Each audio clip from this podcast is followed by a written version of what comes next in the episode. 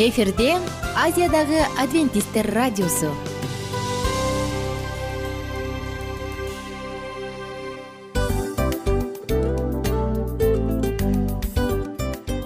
Достор салют. Баардык сүйүктүү угармандарыбызга салам айтабыз. Кутман күнүңүздөр менен. Ден соолук өмүрдүн булагы демекчи саламат саамы программасында баарыңыздарды көргөнүбүзгө абдан кубанычтабыз. Анда алгач амандашып өтөлү арбаңыздар деп. Ден соолугуңуздар кандай элибизде көбүнчө ден соолук кандай дегенде эле жакшы деп жооп беребиз э? ооруп турсак дагы жакшы дейбиз. Анан мен муну айтып ойлойт элем бул абдан сонун сөз депчи анткени бул жакшы деген үмүт да э ооба баары жакшы болот. Баары сонун. Деп үмүттөнүп атып эле өзүбүздү өзүбүз дарылап коебуз. Анысы кандай? Сиздин дагы ден соолугуңуз жакшы беш деген үмүттөбүз чындыгында ден соолук бул өмүрдүн булагы деп бекеринен айтылган эмес деп ойлойм. Кыргыз элинде анткени эгерде ден соолук жок болсо анда адамдын жашоосунда калган баардык керектүү маңыздуу нерселер өзүнүн баалуулугун жоготуп коет. Ошондуктан ден соолук бул эң керектүү нерсе. Ооба туура айтасың кесиптешим. Чынында ден соолугуң жок бир эки үч күн ооруп калсаң эле э кандай болуп калат? Жашоодо көз каранды болуп каласың көп нерсеге жетишпей каласың көп нерсени кыла албай каласың жада калса эшикке дүкөнгө да чыга албай каласың. Туптуура анан ден соолук болсо демек биз биздин бактыбыз тоодой деп койсок болот. Анда достор саламат рубрикабызды баштайлы. Алдыда өзүңүзгө керектүү болгон сонун кеңештерди уга аласыздар. Мына ошондуктан биз менен бирге болуңуздар. Ал эми биз болсо милан жана айнура. Кеттик алга. Алга саламат саама ден соолуктун жарчысы. Саламат саама ден соолуктун ачкычы. Күн сайын сиз үчүн мыкты кеңештер сонун жаңылыктар кызыктуу фактылар. Биздин рубрикада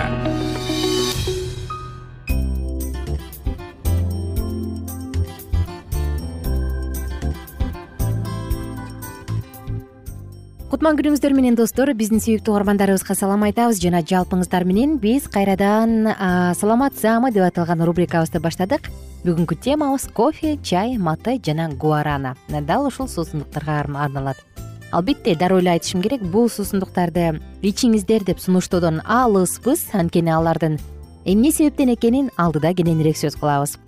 Кофеин бар напитоктор суусундуктар булар психоактивдүү алкалоид өзгөчө боюнда бар айымдар үчүн жана балдар үчүн өтө зыяндуу. Курамында да кофеин камтылган баардык напиток суусундуктардын баардыгы дүйнө жүзү боюнча кеңири таркалган. Өзгөчө чоң чоң коммерциялык фирмалар алардын рекламасын жарнамаларынын баардыгын тең спонсировать этип каржылап берет э? Ошентсе дагы канча деген адамдар канча деген булактар жок кофе чай зыяндуу эмес десе дагы алар зыяндуу демекчибиз. Эмне себептен? Анда алдыда кененирээк сөз кылалы. Кофеинди көп колдонгон адамдарда кандай э, коркунучтар пайда болот? Же болбосо кандай негативдүү натыйжалар болот? Алардын бир нечесин азма азын гана санай кетели эң эле кеңири таркалгандар. Уйку бузулат гастрит жана зарна пайда болот. Тынчсыздануу гиперактивдүүлүк пайда болот өзгөчө балдарда. Жүрөк аритмиясы анемия анткени кофе менен чай канга баягы негемова темирдин сиңишин өтө эле жолтоо кылып жок кылып коет. Кальций жоголот мача менен кошо.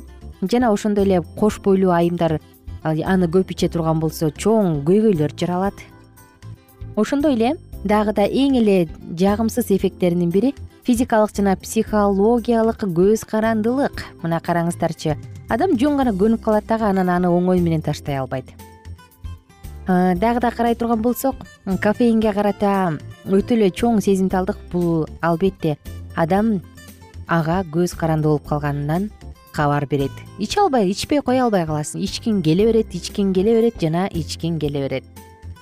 Бул ушул негативдүү натыйжалардын баардыгын тең эске алганда биз кофени кантип пайдалуу деп санай алабыз? Албетте кофе пайдалуу эмес бирок кайсы бир гана учурларда чаанда гана аны бир ичип койсо болот экен. Бирок дайыма эмес. Ошондой эле достор кофе чай маты жана башка курамында кофеин бар суусундуктарга көз каранды болуп калган адамдар кофеин детоксикациясынан өтүп ал көз карандуулуктан арылышы керек. Кийинки эми биз кофе жөнүндө сөз айтсак. Кофе кофе кофе дегенде эле анын курамында антиоксиданттык полифенол бар ал кээде кээде гана күнүнө бир чашка кофе ичип койсо болот деп айтса болот. Бул бирок кээде гана бир күндө күн эмес күн сайын эмес. Бирок ошол учурда да бул жакта суусундуктун дозасы жана реакция жөнүндө эске алынган жок ошондуктан мында дагы абайлаш керек. Жана ошондой эле кофеде антиоксидант бар болгону менен ал ден соолукка зыян жогоруда санап өттүк. Ошондуктан кофенин ордуна башка эле өсүмдүк азыктарынан жасалган башка эле антиоксиданттарга бай жана албетте бир топ пайдалуу болгон башка эле суусундуктарды ичип койсо болот. Мисалы бир чашка кофенин курамында жүз миллиграмм кофеин бар. Караңыздарчы канчалык коркунучтуу мен өзүм да коркуп кеттим. Анткени мен кофени күнүгө эртең менен ичем. Бирок ушундан баштап аз калтырам деп өзүмө сөз берем. Сиздердин көзүңүздөрчү субъективдүү таасирин айта турган болсок студент бир чашка кофе ичкенден кийин он баракты тез эле окуп салышы мүмкүн. Бирок анын мээси баардык маалыматты кабыл албайт. Же болбосо машинисттер кофе ичкен соң абдан көп ушундай катуу ылдамдыкта иштеп калганы байкалган. Бирок ошол эле учурда алар өтө көп калтырган. Мына ошондуктан достор кофенин альтернативасын айта кетели. Кофеге караганда башка биз солод же цикорийди ичсек болот. Ройбоз чайын антиоксиданттык чайды ичсек болот. Анын курамында кофеин жок. Тескерисинче ал темирдин булагы болуп саналат андан тышкары э, дары чөптөрдүн тундурмаларын ичсек болот. Кофе кофеин жок кофе ичсек болот. Мөмө жемиш жана жашылча сокторун ичсек болот. Кийинки кезекте чай чай мата сыяктуу. Булар дагы жалбырактардын өсүмдүктөр өсүмдүктүн жалбырактарынын кайнатмасы. Мындан дагы биз чоң температурада аларды алабыз. Анын негизинде алардын курамында антиоксиданттык полифенолдор көп. Бирок ошентсе дагы ошентсе дагы чай мата сыяктуу суусундуктар бир аз кофеге караганда зыянсыз деп айтса болот. Бирок бир аз гана. Бир чашка чайды качан ичип койсо болот? Качан ал пайдалуу? Адамдын жүрөгү айланып атканда кусуп атканда башы айланып атканда ичи өтүп атканда бир чашка чай ичип койсо болот.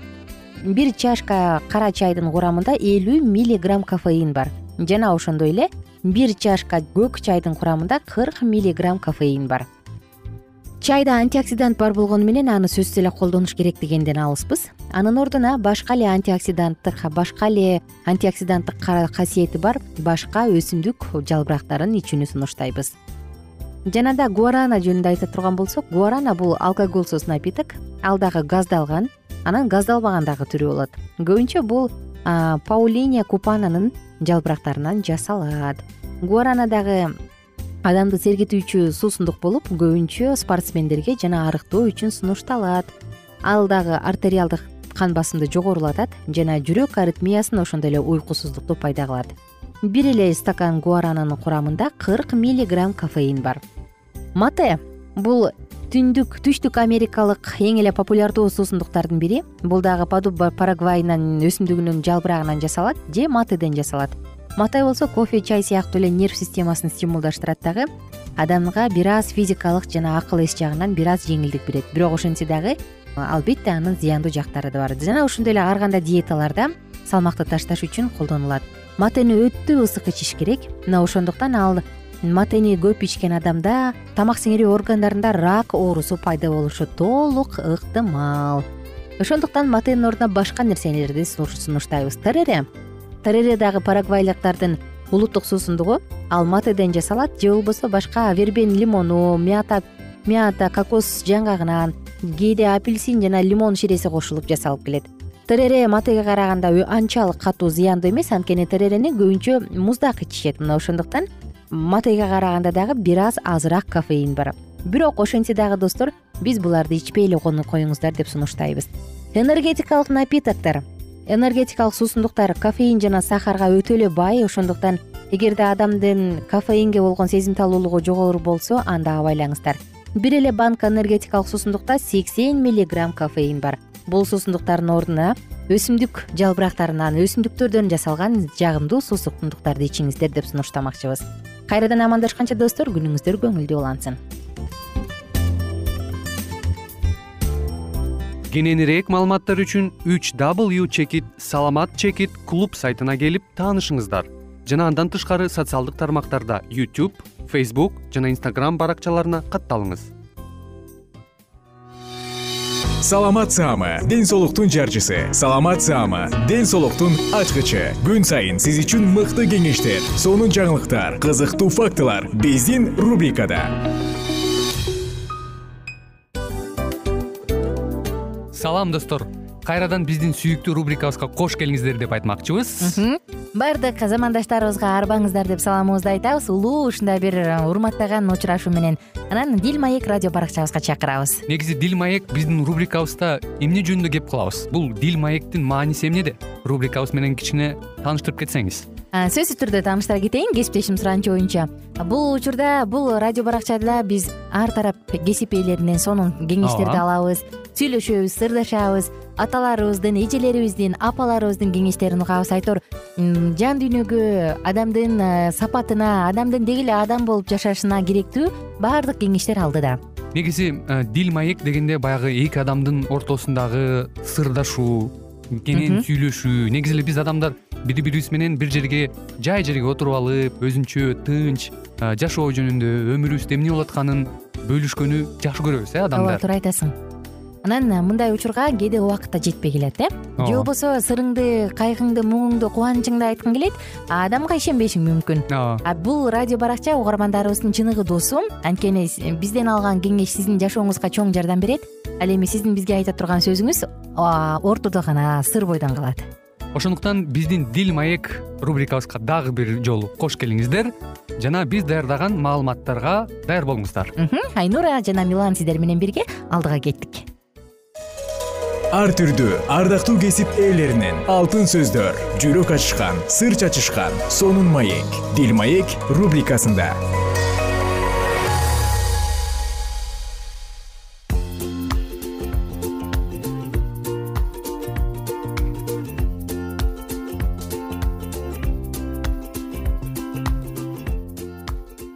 кымбаттуу достор биздин угармандарыбыз жалпыңыздар менен амандашып саатыбызды улантабыз жана бүгүнкү темабыз кичинекей жардамчылар деп аталат.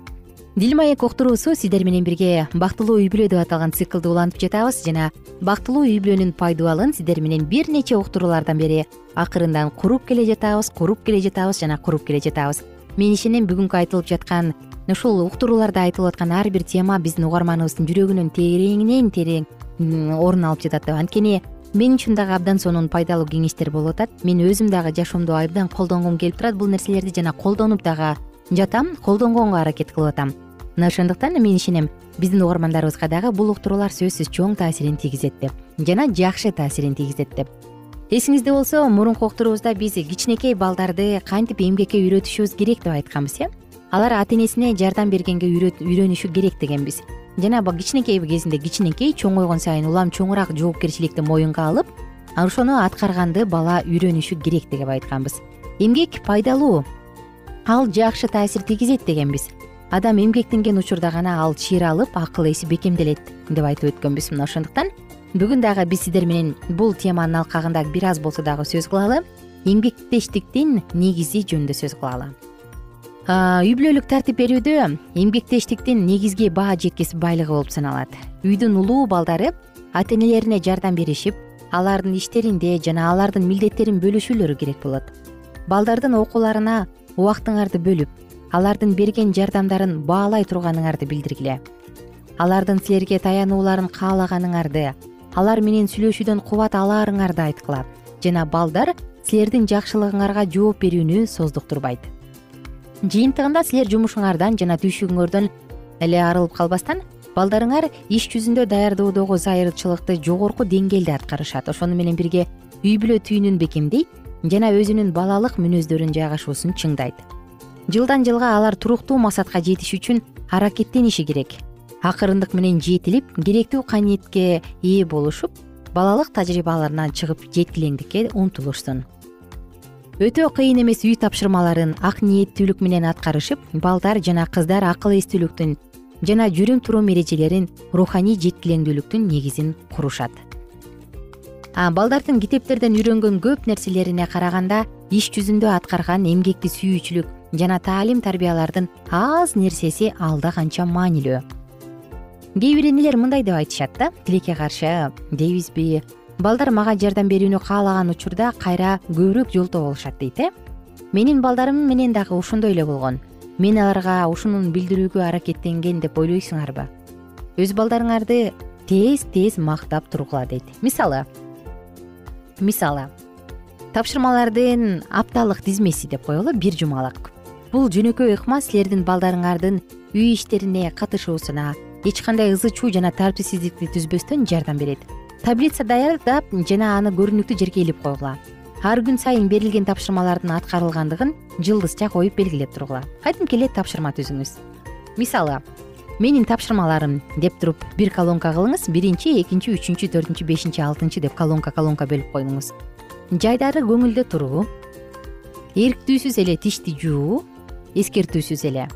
Төшөгүмдү эскертүүсүз эле жыйноо мектептен келерим менен мектепке кийген кийимдеримди ирээттөө итке тамак берип сейилдетүү өзүмдүн оюнчуктарымды ирээттөө ата энелерим менен бир нерсе кылуумду суранса тил алчаак болуум керек. Сабактарымды окуу белгиленген мөөнөттө уктоо үчүн жатуу күндүн жыйынтыгы аптанын жыйынтыгы. Жагдайыңарга байланыштуу э, мүмкүн сиз өзүңүз дагы ушул тизмеке кошумчаңызды кошосуз. Сыйлыгыңардын үлгүсү мындай эки жүз жылдызча үчүн токойго барып сейилдөө дагы кандайдыр бир кызыктыруучу нерселерди тапсаңыз болот. Мүмкүн балаңыз сиз менен бирге ойногонду жакшы көрөр сүйлөшүп отурганды. Мисалы менин кызым кечинде беш мүнөт менин жанымда жатып турганды жакшы көрөт. Мына ушул сыяктуу э? Өзү балдарыңар өздөрү ала турган үй иштеринин тизмесин түзүп койсоңуз бул да болсо сиздин түйшүгүңүздү жеңилдетип балдарга жоопкерчиликтүү сезгенге жардам берет. Кичинекей эле балдар кээде карап туруп таң каласың э? Кичинекей балдарды оюнчугуңду жыйна дегенден кийин алар чуркайтагы мотураңдап барып үйлөрүн оюнчуктарын жыйнап коюшат. Мындайды көрүп аябай таң калып жүрөгүң кубанат. Же болбосо бала эшиктен киргенден кийин дароо бутун бут койгучка коюу ачынган соң сүлгүнү ордуна илүү тишти жууган соң тиш щеткасын пастасын ордуна салуу. Мына ушул сыяктуу майда чүйдө эң нерсе майда чүйдөлөр абдан көп эмеспи же болбосо тамак ичип бүткөндөн кийин идиштерин раковинага салып рахмат айтуу. Эгер кызыңыз чоңоюп калса айттырбай эле жардам берүү бул нерсеге үйрөтүп ала турган болсоңуз баланы. Сизге дагы жакшы. Анан албетте баланын дагы эмгекти сүйүүгө үйрөнгөнү абдан жакшы. Мына ошондуктан достор биз эмне дейбиз? Угармандарыбыздын баардыгына кааларыбыз кичинекей жардамчыларды тарбиялап алыңыз. Ал жардамчылар болочокто мыкты адамдар мыкты адистер болуп чоңоюшат. Ошондуктан балдарды туура тарбиялоодо жаратуучубуз бизге акылмандык берсин а биз болсо балдарды туура тарбиялайлы кээ бир ата энелер балдарды тарбиялабагандыктан улам түнмө түйшүктүн баарын мойнуна үйүп алышат. Анан кийин ал балдар башка өздөрүнчө үй бүлө куруп кеткенден кийин шал сыяктуу жатып беришет э? Жаткандан башка эчтекени билбейт тамак жасаганды билбейт. Үй жыйнаганды үйдүн ичинде ирээттүүлүктү кармаганды билбейт. Жөнөкөй эле майда чүйдө мындай эркекке тиешелүү жумуштарды жасаганды билбейт. Кыз киши мүмкүн жөнөкөй эле элементардык түрдө топчу кадаганды билбейт. Ушул сыяктуу билбегендиктерден улам чоң көйгөйлөр жаралат. Ошондуктан достор бир адам айтат ата эне баланы кийинтип ичинтип эле койбостон бул жашоодо жашап кете алганга үйрөтүп койгону зарыл депчи ошондуктан достор балдарды тарбиялоо бул өтө зор иш. Балдарды тарбиялоо бул инсанды тарбиялоо. Бул дагы бир атуулду тарбиялоо. Бул жаатта дагы бизге акылмандуулук берсе экен жаратуучубуз. Жогоруда айтылган таблицанын ыкмасы мага абдан жакты дал ушундай таблица коюп алып туруп ар бирине өзүңүз балл коюп анан балдын негизинде балаңызга сыйлык берип коюп турсаңыз албетте бул жаатта соодалашуу болуп кетпеши керек дечи. Бирок ошентсе дагы балдарыңызды кубаттап турсаңыз алар сизге жардам берүүгө көбүрөөк мүмкүнчүлүк көбүрөөк каалоосу пайда болот. Ардактуу ата энелер ардактуу угармандар сиздер менен коштошом. Кийинки уктуруубузда саатыбызды улантабыз. Ага чейин кайрадан амандашканча бар болуңуздар бай болуңуздар күнүңүздөр көңүлдүү улансын жалпыңыздар менен кайрадан амандашканча бар болуңуздар. Кийинки уктуруудан жалпыңыздарды күтүп алабыз. Кийинки уктурууда дагы ата энелерге болгон мамилеге арналмакчы ошондуктан баардык угармандарыбызды чакырабыз. Кайрадан амандашканча сак саламатта туруңуздар.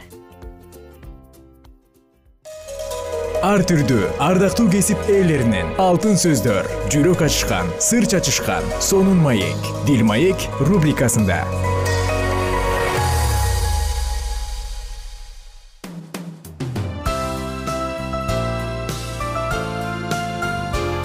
эфирде азиядагы адвентисттер радиосу.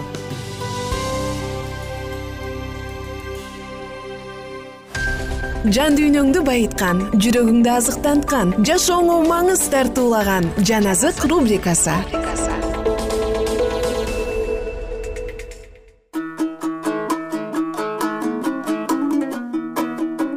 Саламатсыздарбы кадырлуу замандаштар биздин жалпы угармандарыбыз менен жыштыгыбыздан үн алышканыбызга кубанычтабыз кайрадан сиздер менен жан азык рубрикасын баштадык.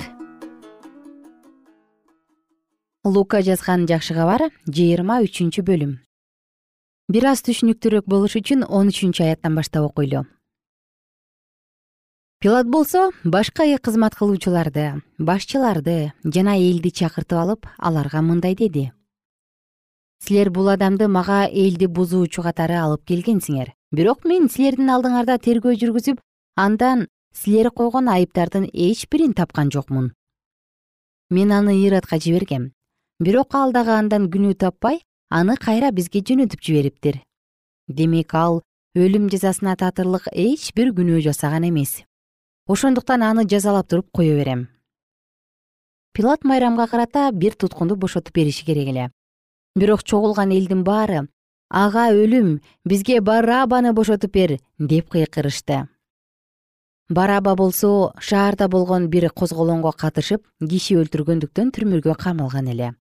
Пилат кайрадан элге кайрылып ыйсаны бошоткусу келгенин айтты. Бирок алар аны айкаш жыгачка када айкаш жыгачка када деп кыйкырышты. Пилат үчүнчү жолу аларга ал кандай жаман иш кылды? Мен андан өлүм жазасына татырлык эч кандай күнөө тапкан жокмун. Ошондуктан аны жазалап туруп кое берем деди бирок алар боолгон үндөрү менен аны айкаш жыгачка када деп кыйкырып талап кыла беришти. Алар улам күчөп кыйкыра беришкендиктен пилат алардын талабын орундатууну чечти. Ошентип ал козголоңго катышып жана киши өлтүрүп түрмөдө жаткан кишини элдин суранычы боюнча бошотту ыйсаны болсо алардын эркине тапшырды. Аскерлер ыйсаны алып бара жатышканда талаадан келе жаткан шыман деген киринеялык кишини кармап алышты дагы. Айга айкаш жыгачты көтөртүп ыйсанын артынан ээрчитип коюшту. Ыйсанын артынан өтө көп эл ээрчип бара жатты. Алардын арасында ал үчүн боздоп ыйлаган аялдар бар эле. Ыйса аларга бурулуп мындай деди. Иерусалимдик кыздар мен үчүн ыйлабагыла өзүңөр үчүн балдарыңар үчүн ыйлагыла. Анткени тукумсуз бала төрөбөгөн эмчек эмизбеген аялдар бактылуу деп айтыла турган күндөр келет. Ошондо тоолорго биздин үстүбүзгө кулагыла дүбөлөргө болсо бизди басып калгыла деп айта башташат. Жашыл даракка ушундай кылышса анда куураган дарак эмне болот? Ыйса менен бирге эки кылмышкерди да өлтүргөнү алып бара жатышты. Алар баш сөөгү деген жерге келишкенде ыйсаны жана эки кылмышкерди айкаш жыгачка кадап коюшту. Бирин анын оң жагына бирин сол жагына кадашты. Ыйса болсо ата буларды кечире көр. Анткени эмне кылып жатышканын билишпейт деди. Аскерлер өкчөмө таш ыргытып анын кийимдерин бөлүп алышты. Ошол жерде эл карап турду. Башкаруучулар болсо ал башкаларды куткарды эгер ал кудай тандаган машаяк болсо анда өзүн куткарсын деп шылдыңдашты. Аскерлер ыйсанын жанына келип ага ачуу ичимдик сунуп. Эгерде сен жүйүттөрдүн падышасы болсоң анда өзүңдү куткар деп шылдыңдашты. Ыйсанын баш жагына грек латын жана еврей тилдеринде бул жүйүттөрдүн падышасы деп жазылган тактычаны илип коюшту айкаш жыгачка кадалган эки кылмышкердин бири. Эгерде машаяк болсоң анда өзүңдү да бизди да куткар деп ага тилдейгизди экинчиси болсо аны тыйып кудайдан коркпойсуңбу өзүң деле ушул жазага тартылбадыңбы? Бизге го туура өкүм чыгарышты. Анткени биз кылган иштерибизге жараша жазабызды алып жатабыз. Бул болсо эч кандай жаман иш жасаган жок да деди анан ал ыйсага ыйса өзүңдүн падышачылыгыңа барганда мени эстей көр деди. Ыйса ага мен сага чындыкты айтып коеюн бүгүн сен мени менен бейиште болосуң деди. Болжол менен түшкү алтынчы сааттан тогузунчу саатка чейин күн көрүнбөй. Бүт жерде караңгылык каптап турду. Ибадатканадагы көчөгө дал ортосунан айрылып калды. Ыйса үнүн катуу чыгарып ата жанымды сенин колуңа тапшырамын деди. Ушинтип айткандан кийин ал жан берди. Муну көргөн жүз башы бул чын эле адил адам болчу деп кудайды даңктады. Муну көрүүгө чогулган эл болгон окуяны көргөндөн кийин өкүнүү менен тарай баштады. Ыйсаны тааныгандардын бардыгы жана аны галилеядан ээрчип келген аялдар алыстан бул окуяны карап турушту ал жерде жүйүттөрдүн ариматая шаарынан ак ниет адил кудайдын падышачылыгын күтүп жүргөн жусуп деген адам бар эле. Ал кеңештин мүчөсү болчу. Бирок ал кеңештин ыйсаны өлтүрүү үчүн чыгарган чечимине жана кылган иштерине макул болгон эмес. Ал пилатка барып ыйсанын сөөгүн сурады. Анан ал сөөктү түшүрүп алып кепиндеди дагы асканын бооруна оюлуп салынган али эч ким куюла элек мүрзөгө койду жума күнү аяктап ишемби күнгө таяп калган эле. Ыйса менен галилеядан келген аялдар да жусупту ээрчип келишип мүрзөнү жана анын сөөгү кайда коюлганын көрүштү. Анан алар шаарга кайтып барышып жыпар жыттуу заттарды жана майлоочу майларды даярдашты. Мыйзамдын талабына ылайык алар ишемби күнү эс алышты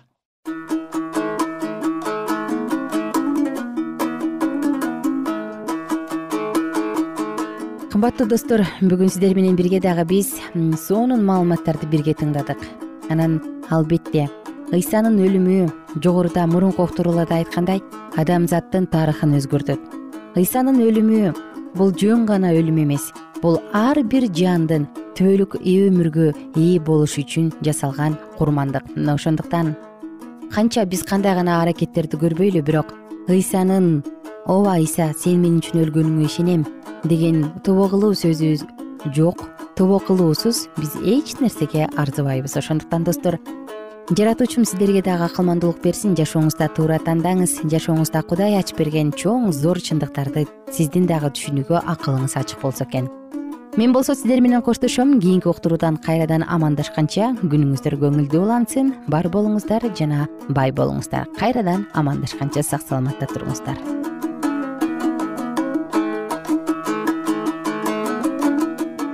эгер сиздерде суроолор болсо же көбүрөөк маалымат билем десеңиз анда биздин whatsapp номерибизге жазыңыз.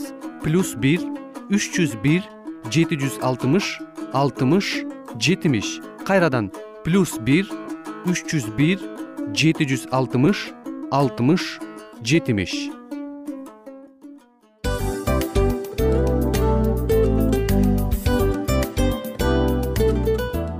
мына ушинтип убакыт дагы тез өтүп кетет экен. Биз дагы радио уктуруубуздун аягына келип жеттик. Келип кубандырдыңар эми кетип кубандыргыла деп тамашалап калышат эмеспи? Анысы кандай?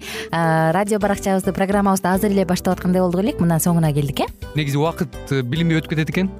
Мен дагы э, убакыт дегенде бүгүн бир адам менен сүйлөшүп калдым. Анан убакыт бул мүмкүнчүлүк деп айтып өзүмө өзүм айтып алып анан мага өзүмө эле кайра ачылыш болду да чын эле Э, карап отурсаң ошол эле жыйырма төрт саат ошол эле жарым саат кайталанып атат бирок сендеги мүмкүнчүлүк жок ошол кой берилип кетти? Анысы кандай? Бүгүнкү сонун убактыңызды алтындай болгон жарым саатыңызды бизге бөлүп арнаганыңыз үчүн ыраазычылык айтабыз.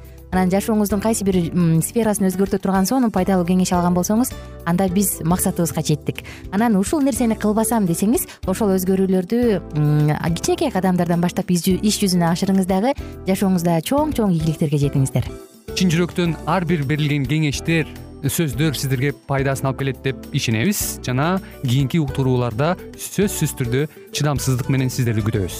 Сагынычтуу салам айтып кайрадан дал ушул жыштыктан баардыгыңыздарды тосуп алганча. Кызматта мен айнура жана кесиптешим милан. Анда кол каалайбыз жалпыңыздарга ийгиликтүү күн. Саламатта калыңыздар